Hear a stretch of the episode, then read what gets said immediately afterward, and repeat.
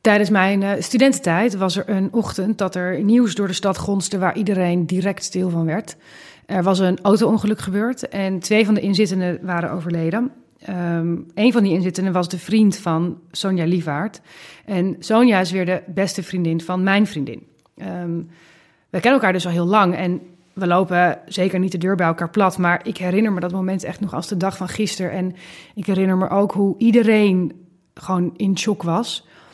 Um, ik ga vandaag met Son praten. Uh, ik fiets naar haar toe om het over Alexander te hebben, zo heet hij. Uh, het rouwen dat volgde en ja, hoe je in godsnaam verder gaat na zo'n in alle opzichten oneerlijk einde van de jongen waar je dacht oud mee te worden. Um, Son heeft de afgelopen zeven jaar in Londen gewoond, is net terug in Amsterdam, woont in een superleuk huis samen met haar vriend. Um, het stormt echt enorm vandaag trouwens, maar ik ga toch de rukwinden trotseren en uh, op de fiets naar haar toe.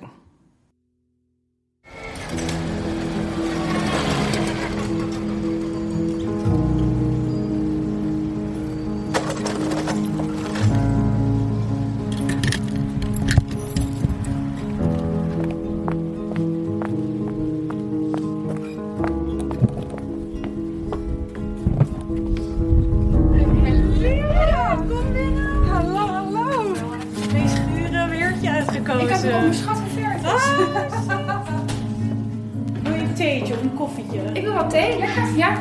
Heerlijk. Wil je het met iets erin? Nee. Hoe is het met jou? Ja, wel goed eigenlijk.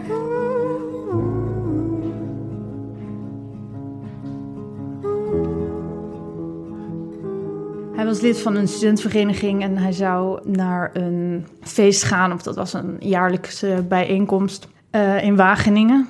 En um, hij twijfelde tot het allerlaatste moment of hij wel moest gaan. Want hij wilde eigenlijk niet. Uh, maar ja, het was allemaal heel goed geregeld. En uh, zijn vrienden hadden zelfs een chauffeur geregeld. En uh, nou, iedereen had er zin in.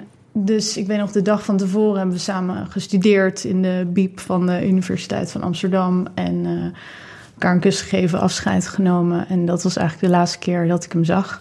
Hij is ehm, toen naar dat feest gegaan. En een hele mooie avond meegemaakt. En terwijl ze terugreden, hebben ze de auto op de snelweg um, langs de kant gezet. Omdat een van de passagiers, uh, een van de meisjes, zich niet lekker voelde. Dus allemaal veilig. Um, brede snelweg, brede, brede vluchtstrook, uh, knipperlichten aan. En toen is hij samen met iemand anders uitgestapt. En um, toen is er een bestuurder in slaap gevallen achter het stuur. En blijkbaar hoorde ik later, um, ga je dan automatisch het licht achterna. En die is dus uh, ja, op ze ingereden. Waardoor het voor Alexander en andere jongen einde verhaal was. En ik lag op dat moment in mijn bed in Amsterdam, in mijn studentenhuis. En uh, ik uh, werd heel vroeg ochtends, of in ieder geval voor studenten heel vroeg ochtends uit mijn bed gehaald. Uh, er stonden twee politieagenten voor de deur. En die vroegen naar mij. Uh, mijn huisgenootjes deden open. En uh, nou ja, dan weet je eigenlijk meteen dat het foute boel is. En ze zeiden, mevrouw, mevrouw Lievaart, gaat u even zitten, want we moeten u wat vertellen. Nou, dat is natuurlijk allemaal protocol. En toen, ja, toen heb ik het ze gewoon uit ze getrokken in die deuropening. Van wat is er, wat is er, zeg het me. Is het mijn vader, is het mijn moeder? Ja, en toen spraken ze de pijnlijke woorden... uw vriend Alexander Gorkovoy is vannacht overleden tijdens een auto-ongeluk. Jeetje. Ja, komt ja. nog steeds hard binnen. Ja, dat snap ik. Wat doe je dan? Ja, echt heel surrealistisch natuurlijk, zo'n moment. Ik begon kaart te schreeuwen van nee, nee, nee, nee, het is niet waar, het is niet waar. En natuurlijk meteen, ja, huilen, een soort hysterie. En toen zeiden ze, ja, maar hij is, uh, hij is in het ziekenhuis. Dus uh, we kunnen u naar hem toe brengen. Dan kunt u hem zien. En dat is iets zo bizars van het menselijk brein, dat je dan hoort ziekenhuis, je kunt hem zien. Er is hoop, let's go. Um, dus natuurlijk meteen spullen gepakt en um, hebben die twee agenten me naar eh, het ziekenhuis gebracht. En mijn huisgenootjes gingen mee. En ja, dan kom je in een soort hele surrealistische soort ja, film terecht. Ik weet nog heel goed dat we dus eh, de stad uitreden en dat ik overal heel bewust al dacht van... oh, op dat bankje hebben we gisteren nog gezeten... of in dat restaurantje hebben we vorige week nog gegeten... of daar eh, hebben we nog een broodje gehaald... of hier fietsten we altijd. En ja, toen kwamen we aan in het ziekenhuis... en eigenlijk wisten we nog niet echt van de ernst van de situatie af... of wie er nog meer bij betrokken waren... Ehm, of wat er eigenlijk precies was gebeurd... En uh, langzaam druppelden steeds meer mensen natuurlijk binnen en werd het steeds duidelijker. Dus zijn ouders zijn tegelijkertijd opgehaald en broertje en zusje en ook de nabestaanden van, de, uh, van het andere slachtoffer. Ja, en dan wordt steeds meer duidelijk wat er is gebeurd, maar zeker aan het begin blijft het iets zo ongrijpbaars en onwerkelijks. Ik bedoel, je kunt iemand nog ongeveer voelen of, of ruiken of, of aanraken bijna. Dus ja, te horen krijgen dat iemand er niet meer is, is op dat moment heel onwerkelijk. Ja. Heb je hem gezien? Ja, we kregen toen nou ja, te horen wat er was gebeurd. En te horen dat uh, de nabestaanden in, uh, of uh, sorry, de slachtoffers in het ziekenhuis waren. En dat de artsen bezig waren met ze ja, erbij te lappen, letterlijk. En dat ging wel even duren, zeiden ze. Dus het was heel vroeg ochtends. En ze zeiden dat het wel tot drie uur s middags kon gaan duren. Dus toen zijn we eigenlijk naar het studentenhuis gegaan... waar hij lid van was. En nou, dat was ook heel bijzonder... waar uh, alle jongens samen waren gekomen... en allemaal ja, met een jasje en een dasje... en kaarsen en foto's en gebogen kopjes uh, daar allemaal bijeen waren gekomen. Um, heel bijzonder was dat samen zijn. En toen zijn we teruggegaan naar het ziekenhuis waar we dus konden schouwen. Of we moesten eigenlijk schouwen, want um, je moet iemand officieel uh, identificeren. En ja, het gekke is dat ik, nu ik erover nadenk, toen nog steeds hoop had van... Oh, misschien is het hem niet, of weet je wel je, je blijft je zo vastklampen aan ja, ieder klein beetje hoop. Wat er eigenlijk misschien al niet was. Maar ja, dat is iets heel menselijks natuurlijk. Mm. En dat schouwen heb ik gelukkig niet hele levendige herinneringen aan. Tenminste, als ik aan Alexander denk, dan nou, denk, komt dit beeld nooit in me op. Ik weet nog wel dat, dat ik hem heel onherkenbaar vond. En um, ik ging meteen op zoek met zijn moeder naar een bepaalde moedervlek die, die op zijn buik zat. En nou ja, die zat er nog steeds. En uh, ik weet nog wel heel goed dat toen ik hem zag, ik wel een soort bevestiging kreeg van iets wat ik al langere tijd nou ja, geloofde of, of voelde. Dat, uh, dat er wel een onderscheid is tussen nou ja, lichaam en geest of, of lichaam en ziel, noem het hoe je wil. Mm -hmm. Maar ik zag duidelijk dat hij er niet meer was. Het was zijn, zijn lichaam, zijn, zijn omhulsel, maar Alexander zelf was weg. Ja. Had je toen een idee of een gevoel bij waar die dan was? Niet meteen, maar ik vind het gevoelsmatig vind ik het erg ja, moeilijk om te geloven dat wanneer, wanneer iemands lichaam ermee ophoudt, dat nou ja, al het andere, um, alle liefde, kennis, passie, uh, ervaringen ook patsboom in het niets opgaan. Dus ik, ik vind het een fijne gedachte om, om te denken dat die energie, of ja, sommige mensen noemen het een ziel, of noem het hoe je wil, dat dat ergens inderdaad naartoe moet gaan. En misschien nemen we allemaal een stukje daarvan over, of misschien gaat het naar een betere plek, of I don't know. Um, dus aan het begin ja, wil je zo graag gewoon contact maken. Dus ik weet nog dat ik zo vaak op het randje van mijn bed heb gezeten. Give me a sign. dat is helaas tot de dag van vandaag niet uh, nou ja, op zo'n duidelijke manier gebeurd. Dus nee, ik, ik, ik weet niet of je het zo letterlijk moet, moet zien dat, dat die uh, energie ergens naartoe verhuist. Ik denk dat we allemaal een klein beetje daarvan overnemen. Ja. Wat gebeurt er in de dagen daarna? Ja, je gaat aan het begin ehm, heel erg in regelmodus. Dat zal voor de meeste mensen die iemand verliezen wel eh, herkenbaar zijn.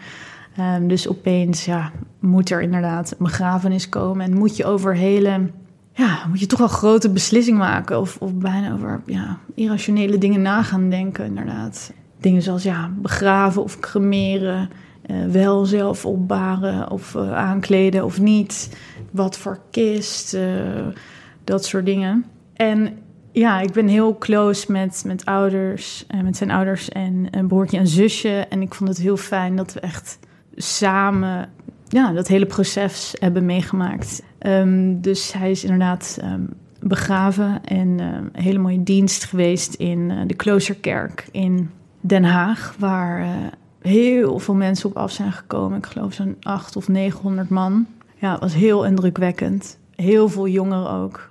Ik denk dat het. Ja, hij had een groot netwerk, maar ik denk ook dat het ja, voor veel mensen in Amsterdam ja, echt een shock was. Ja. Dat zoiets kan gebeuren. Iets waarvan je denkt, ja, dat overkomt mij niet. Nee. Het kan je broer zijn, het kan je vriend zijn, uh, het kan je jaargenoot zijn.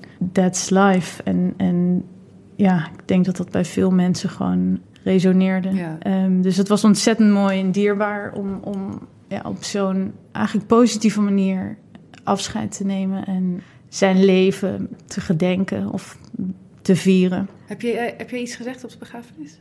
Ja, ja. Ik heb, toen hij net was overleden, uh, had ik besloten hem uh, nou, iedere dag een brief te schrijven.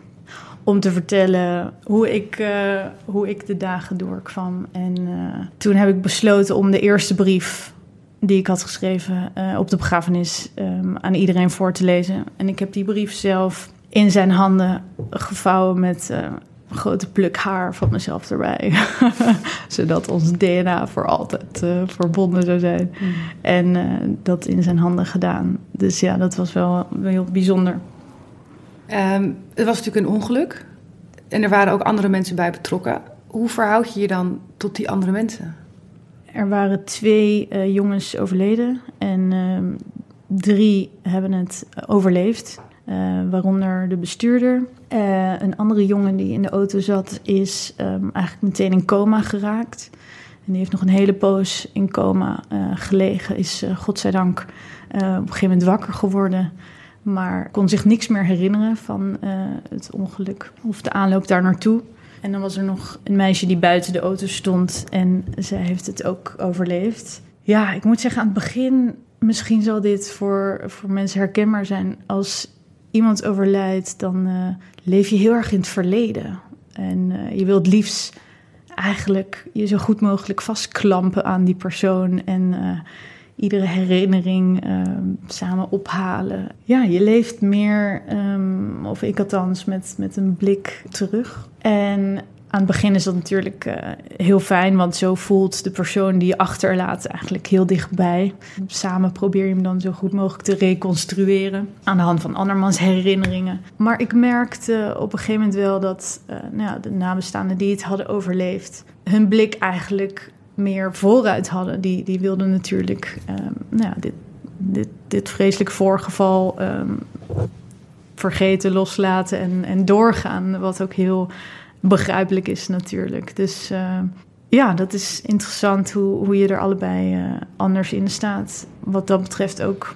En met rouwen leer je, leer je heel snel dat wat voor jou werkt of voor jou goed voelt, niet voor de ander hoeft te werken. En dat je dat ook moet respecteren. Ja.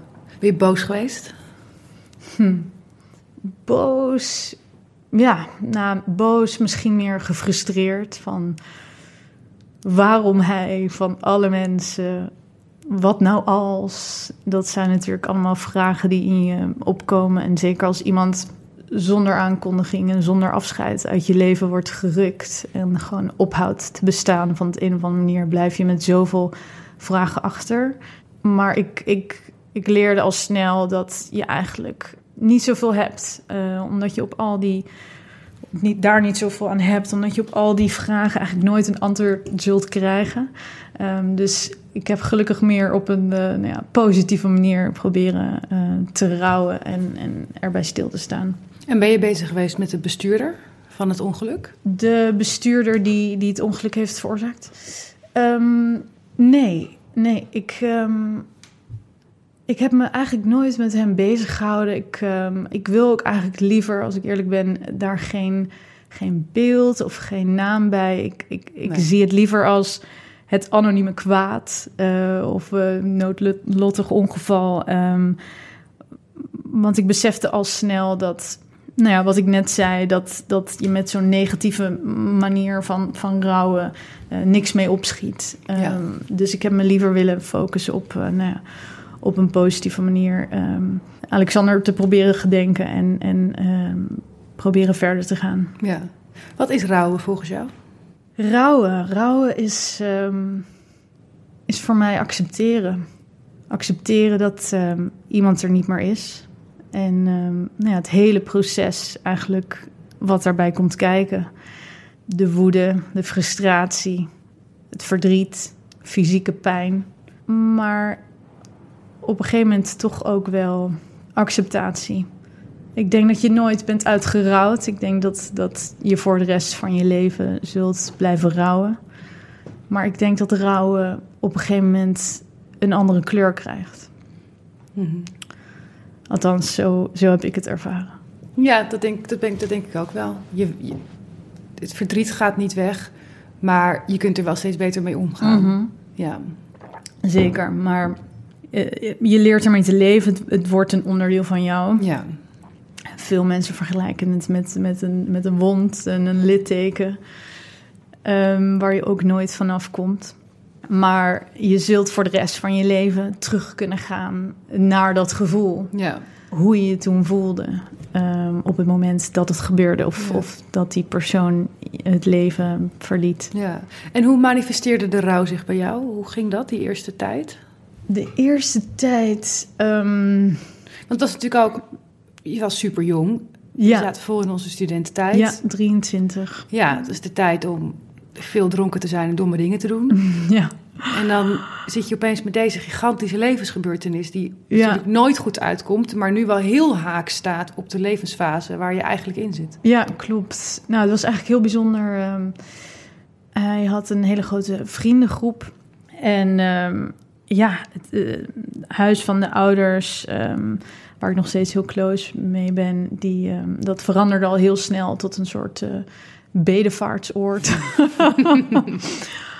waar, eh, waar iedere dag eh, nou ja, allerlei mensen over de vloer kwamen. En eh, dat was een hele bijzondere tijd als ik daarop terug, terugkijk. En we hebben heel veel nou ja, samen gelachen, samen gehuild.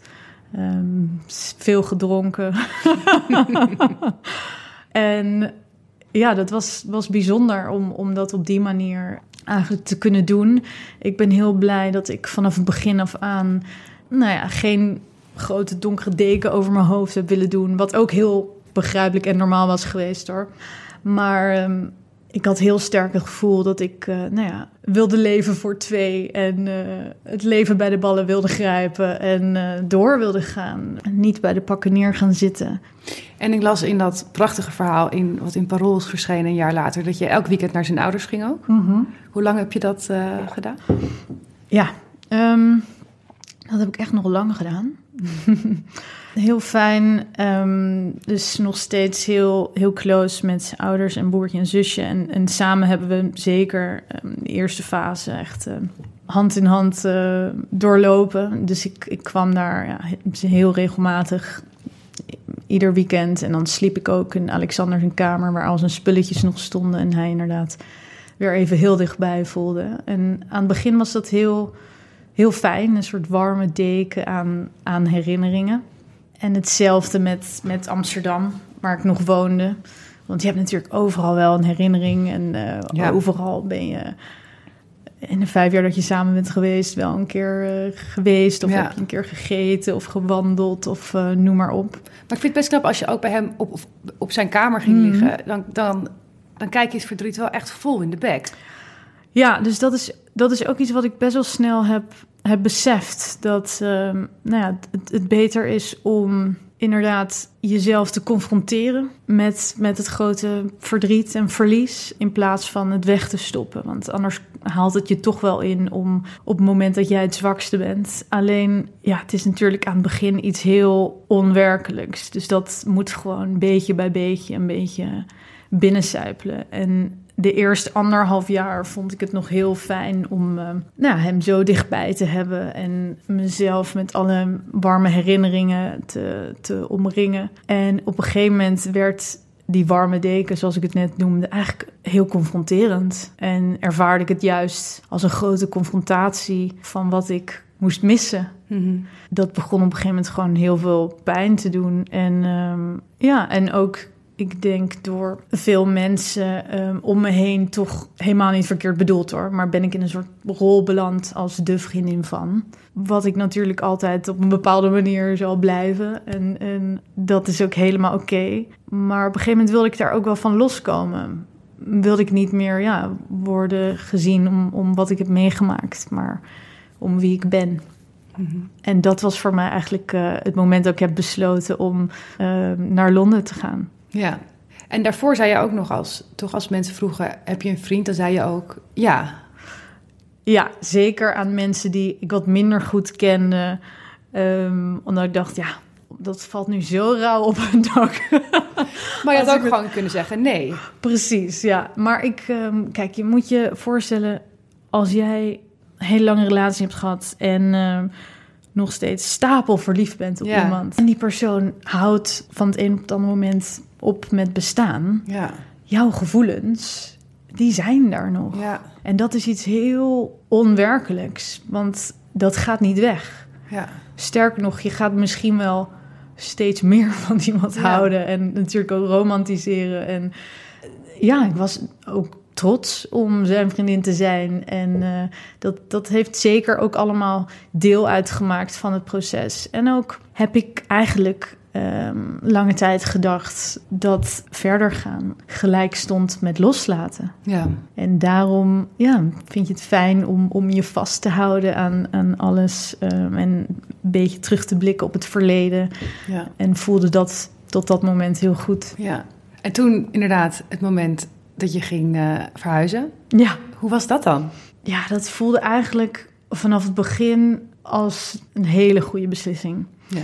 Niet als vlucht, maar meer als nieuw hoofdstuk. Ja. Ik ben nooit het verdriet uit de weg gegaan. Ik heb het altijd eh, in de ogen durven aankijken. Maar ik had wel het gevoel dat ik ja, iets voor mezelf moest beginnen. En, en even tijd en ruimte nodig had om ja, het zelf te verwerken. Zonder dat ik op een bepaalde manier werd aangekeken of in een bepaalde rol vastzat. En ehm, ja, vanaf het begin voelde het letterlijk alsof ik door een soort deurtje ging en er een nieuw hoofdstuk begon. En natuurlijk neem je het verdriet met je mee, dat, dat gaat niet weg. Maar ik weet nog zo goed dat ik daar net was aangekomen en ik was, ik was alleen, was eh, nou ja, average grey day in Londen. En ik liep buiten en ik hoorde wat vogeltjes fluiten. En er sprongen gewoon tranen in mijn ogen, omdat ik me besefte dat ik voor het eerst sinds nou, anderhalf jaar me weer echt gelukkig voelde.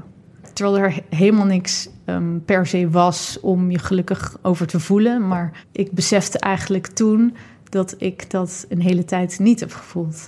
Dus, dus dat was een goede beslissing geweest om, om dat te doen. En ehm, ik heb het ook, eh, ik ben daar gaan studeren. En ik heb de eerste zes maanden, weet ik nog, heb ik het eigenlijk aan niemand verteld. Niet, niet eens aan mijn klasgenootjes of ehm, mensen die ik daar leerde kennen. Omdat het zo fijn was om weer eigenlijk te worden ja, gewaardeerd om, om wie ik ben en, en niet om wat ik had meegemaakt. Eh, want tuurlijk zal dat voor altijd heel belangrijk onderdeel zijn van mijn leven. Ehm, en het heeft me zeker gevormd in bepaalde mate, maar het definieert me niet. Nee. Ik kan me dat wel voorstellen, ook om- omdat het natuurlijk... Jullie waren zo jong en er was zo'n groot sociaal netwerk. En je hele leven is, een is één grote sociale toestand als je 23 bent. Dus het is moeilijk om daar dan inderdaad Ja, vanuit van los te komen... als iedereen steeds weet, oh, daar is zon. ja precies. En, en dat, dat was ook een dingetje dat ik dan... eh, nou, ik weet niet, op een gegeven moment weer, eh, weer, weer even uit wilde gaan of zo. Of even in de hoppen stond. En dat mensen dan met hele verdrietige blikken naar me toe kwamen. Of, oh, ik vind het zo erg. En ehm, ja, tuurlijk, het is, het is niet zo dat, dat mensen je ergens aan herinneren. Want jij neemt het verdriet iedere dag met je mee. Maar ja, je, je wil ook niet dat ieder moment per se zo beladen wordt. Of, of, of dat mensen je alleen nog maar op die manier zien. Ik zag het toen ook wel gebeuren, inderdaad. Dat Ja. mensen dan of juist niet op je afkwamen. Omdat Ja. ze dat natuurlijk ook ingewikkeld vonden. Want Ja. dat moet je dan zeggen. Ja, Maar als je zegt, ik, ik kon alleen nog maar die rol vervullen. denk ik, ja, dat, dat begrijp ik wel. Dat dat ook wel behoorlijk en je kunt het ook niemand is. kwalijk nemen. Hoor. Nee. Ik bedoel, het is zo moeilijk om jezelf een houding te geven. Ja. In zo'n absurd geval als je zoiets nog nooit hebt meegemaakt.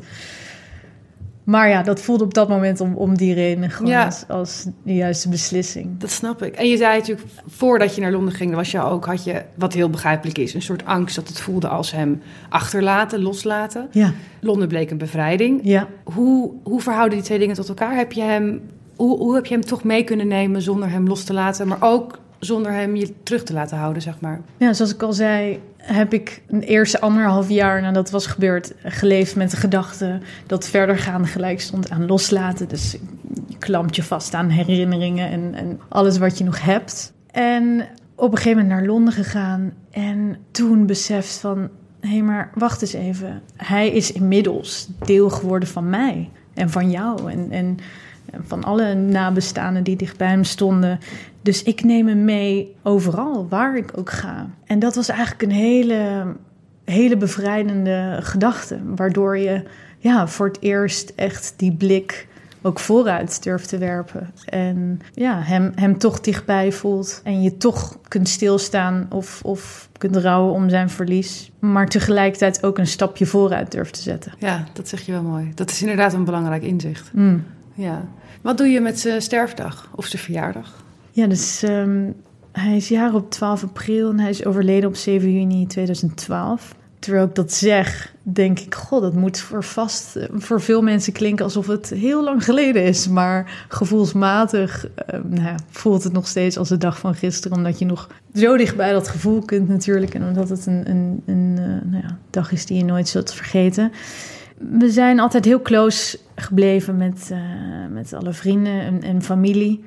Dus op zijn verjaardag ehm, komen we heel, heel vaak samen en staan we er eigenlijk op een positieve manier bij stil. Ik weet nog dat eh, ja, in de eerste paar jaar nadat het was gebeurd, of misschien wel het jaar daarop, ik weet het niet meer precies, dat ehm, de ouders, eh Frederik en Maurice, een, eh, een heel groot ja, feest hadden gegeven eigenlijk bij hun thuis. Ehm, ja, feest klinkt misschien een beetje gek, maar ja, weer een soort van bedevaartsoord 2.0.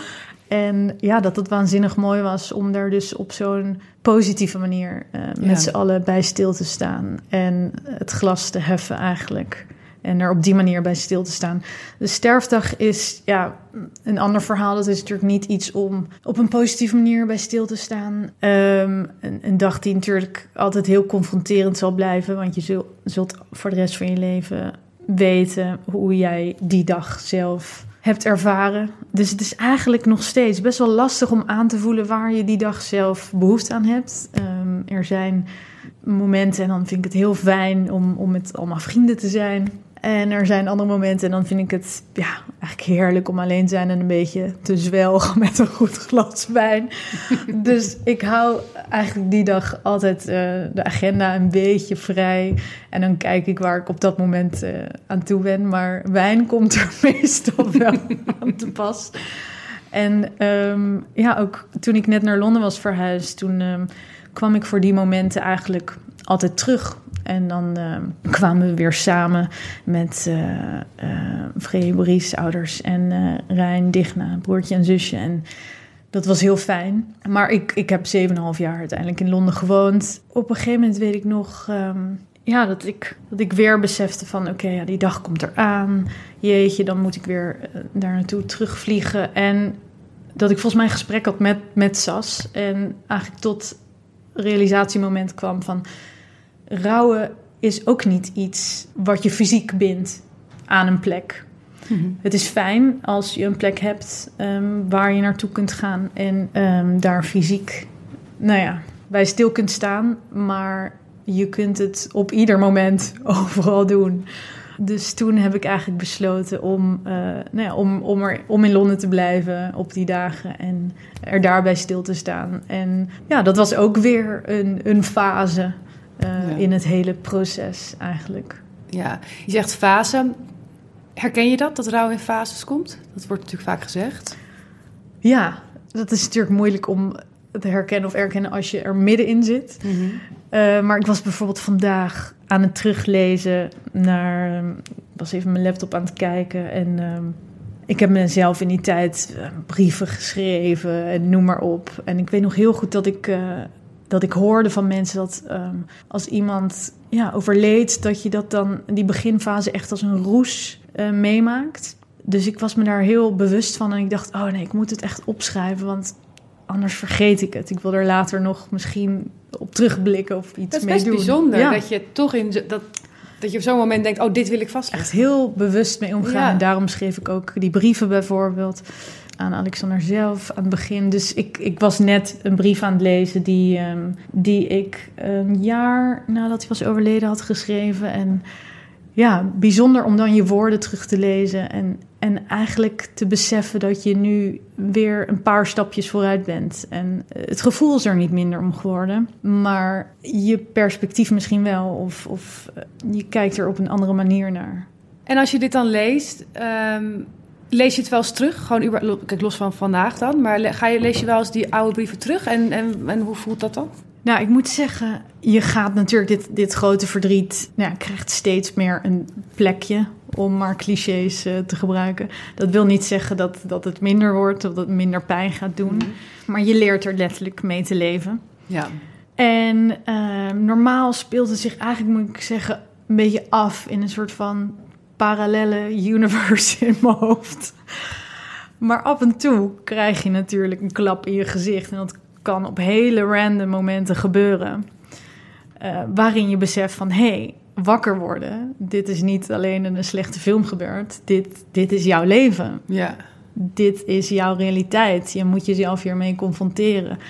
En die tussenposes poses worden eigenlijk steeds groter. Die momenten waarin je echt wordt overvallen door dat immense verdriet worden steeds minder, maar die zijn er nog steeds. Die zijn er voor mij ook nog steeds. En ja, op, op zo'n moment ga ik ook het liefst het dan niet uit de weg. Dus als ik dan plannen heb gemaakt, dan uh, zeg ik uh, gewoon meteen al mijn plannen af. En dan uh, rijd ik eigenlijk meestal langs de slijter. En dan koop ik de beste fles wijn die op dat moment tot mijn beschikking is.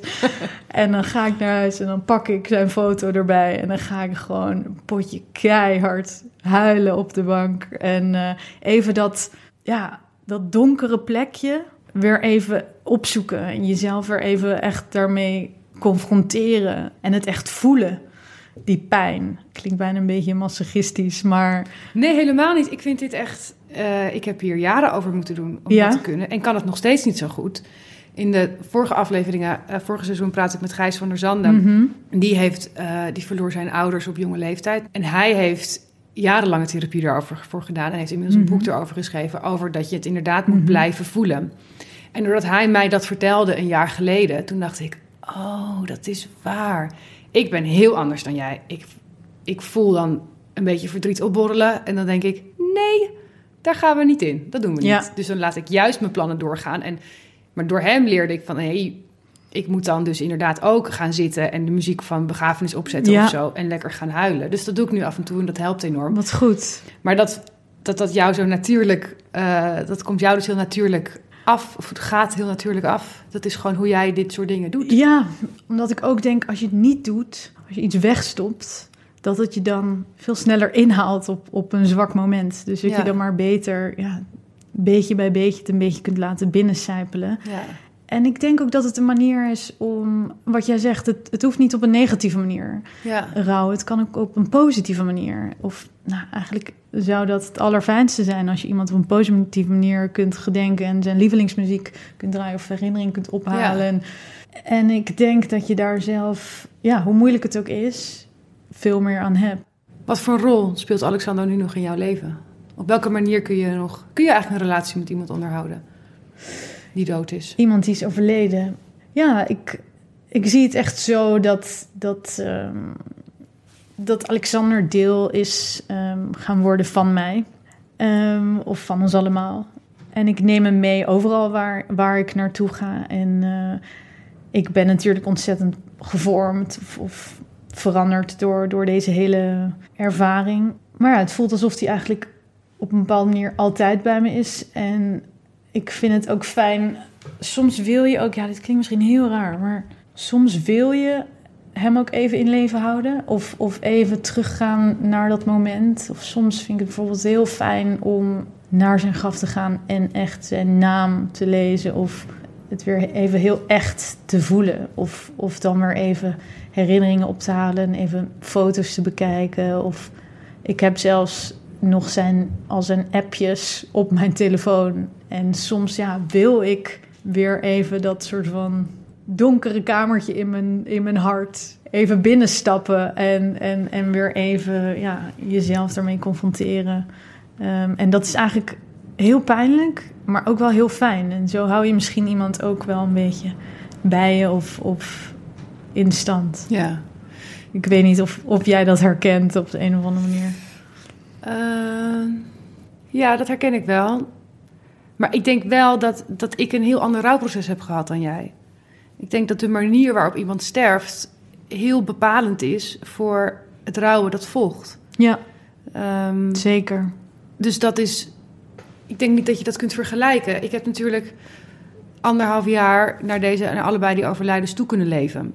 Dat is behoorlijk anders dan iemand die door een ongeluk zomaar opeens weg is.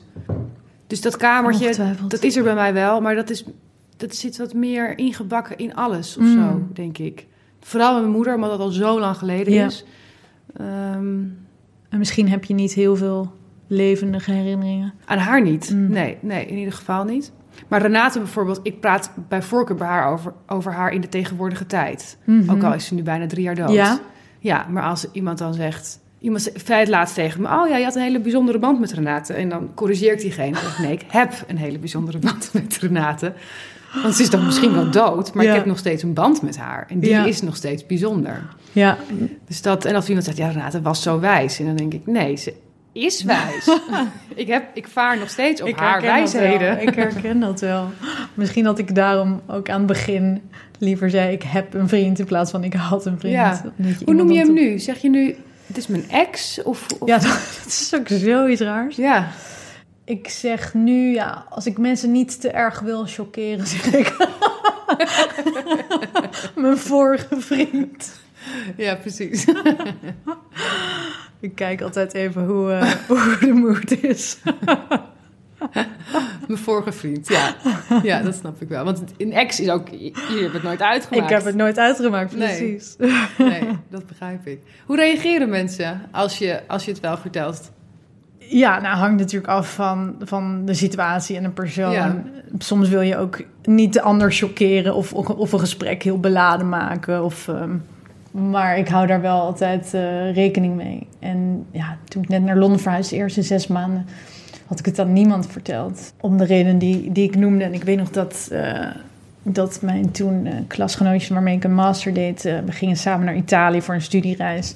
En dat op een gegeven moment ze aan me vroeg van... goh, maar Son, heb, je, heb je een vriend? En dat ik nog een beetje door hem heen draaide van... oh, ja, maar nee, niet echt. Ja, een beetje ingewikkeld. Oh, hoezo dan? En nou, dat ik wel met de aap uit de mouw moest komen. En moest zeggen, oh, nou, hij is vorig jaar overleden... of anderhalf jaar geleden overleden. En, en dat iedereen echt zo in shock was natuurlijk. Maar vooral omdat ze zeiden van... oh, maar wow, van jou hadden we dat het minst verwacht, want je bent zo'n positief persoon. En eh, ja, dat vond ik ook wel bijzonder van zeg maar, het beeld wat mensen dan hebben bij, bij, bij rouwende mensen of zo. Dat die altijd aan het zwelgen zijn of eh, altijd in zwart gekleed. Ja, precies. Rouwen is ook maar gewoon wat van de dag proberen te maken. Precies. Ja. Ja. Je zei eh, dat het je heel erg eh, dat het je heeft gevormd en veranderd. Op welke manier? Ja, ik denk dat als je zoiets, als je zoiets ingrijpends meemaakt op zo'n jonge leeftijd, ik was toen 23, hij was 24, dat dat je ongetwijfeld verandert en vormt en eh, in één klap volwassen maakt. Ja. Ja, ook, ook wel bijzonder hoe je opeens het leven echt op een andere manier gaat zien. Letterlijk heb ik het heb ik de belofte die ik op, op de begrafenis heb gemaakt. Uh, ik ga, ga al onze dromen alsnog waarmaken en leven voor twee. Heb ik volgens mij uh, nou ja, zo goed als mogelijk proberen waar te maken. Ja, en als je zegt ik ben het leven op een andere manier gaan zien, op wat voor manier is dat dan? Nou, je gaat natuurlijk veel intenser leven. Ik weet dat veel mensen zeggen van... goh, uh, leef de dag alsof het je laatste is. En dat soort dingen. Er zijn natuurlijk maar weinig mensen die dat echt zo doen. En laten we eerlijk zijn, je moet niet alles in het leven in dit kader willen plaatsen of op deze manier willen relativeren, want dan nothing would make sense anymore. Uh, het leven heeft ook een flinke dosis oppervlakkigheid nodig. en dat is maar goed ook. En, en dat is ook fijn dat je, dat je dat snel beseft of dat je snel ja, ook al ben je op dat moment alles kwijt wat, wat je leven voor je gevoel zin geeft, dat je toch een soort oerkracht in je hebt die, die gewoon doorgaat. En dat je ook weer in, ja, in korte tijd, ook al ligt je hart in puin, kunt genieten van je cappuccinootje. of, of, of andere uh, kleine dingen in het leven. En uh, nou ja, dat, dat is natuurlijk heel fijn. Maar in die zin ben ik, ja, denk ik wel ja, intenser gaan leven en, en dankbaarder gaan leven. En heb ik echt op een hele harde manier geleerd dat ja, het, het leven niet vanzelfsprekend is. En zelfs de dingen en de mensen in je leven waarvan jij ja, uitging dat, dat die er voor altijd zouden zijn, dat het ook niet altijd zo hoeft te zijn. En dat het leven zomaar een, een flinke wending kan, kan nemen. En dat je dus ja, dat niemand eigenlijk weet hoeveel dagen ons zijn gegund. Niemand weet wat er daarna met ons gebeurt. Maar we weten wel dat we vandaag de dag hier samen zijn. Ja. Dus uh, fijn om daar dan het allermooiste van te maken. Ja, absoluut. En ik denk dat dat, een, dat op die manier er naar kijken de voorkeur heeft. Maar ik denk dat ik een van nature minder positief persoon ben dan jij. gewoon wat pessimistisch Wat ook helemaal oké is hoor. en soms gaat het ook gewoon om de dag doorkomen. En nou dat is ook oké. Maar ik, ik ben ook opgegroeid met de, met de diepe wetenschap dat niets vanzelfsprekend is. En dat, het, en dat je echt niet weet hoe het gaat lopen. Bij mij heeft dat als uitwerking dat ik juist wat angstiger ben in dingen. Niet dat ik dingen niet doe, maar ik denk dus steeds, ja, het kan morgen over zijn. Maar dat zorgt er bijna voor, als ik daar echt helemaal aan zou overgeven, dat ik gewoon niet meer naar buiten wil. Ja. Dat ik denk, nou, het is allemaal zo gevaarlijk. En um, meer, ik zou ook heel graag iemand willen zijn die heel erg dan de dag gaat plukken en denkt, nou, het kan inderdaad volgende week over zijn, dus ik ga er wat van maken. Maar ik merk dat ik toch meer de andere kant op hang en de hele tijd overal manieren zie om dood te gaan. Maar dat is ook heel natuurlijk een begrijpende of heel logisch dat je dat hebt. En ik herken dat ook wel, dat ja, die angst voor ja, niet nog een keer meemaken ja. wat je al hebt meegemaakt. Maar die angst die heb jij wel. En die angst, ja, heb ik enorm. Ja. Maar hoe, hoe, hoe ga je daar dan mee om? Ja, hoe ga je daarmee om? Niet te veel voeden, I guess. Um, over praten. En ook accepteren dat ja, je het leven letterlijk niet, niet in de hand hebt. Dus je druk maken om iets wat nog niet is, je ook niet verder brengt. Nee. Nee, nou, op, op zo'n goed Engels, uh, worrying is suffering twice. Hè? Ja. ja, dat wordt heel vaak tegen mij gezegd. Ja. Omdat ik dus wel zo iemand ben die zich overal zorgen over maakt.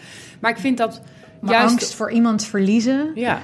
Um, maar ik vind het dus bewonderenswaardig dat jij daar op die manier naar kan kijken. Want ik had me ook helemaal kunnen voorstellen dat, zeker als er een nieuwe geliefde komt, dat je allemaal een soort van panische angsten gaat krijgen dat je dat nog een keer gaat ja. overkomen.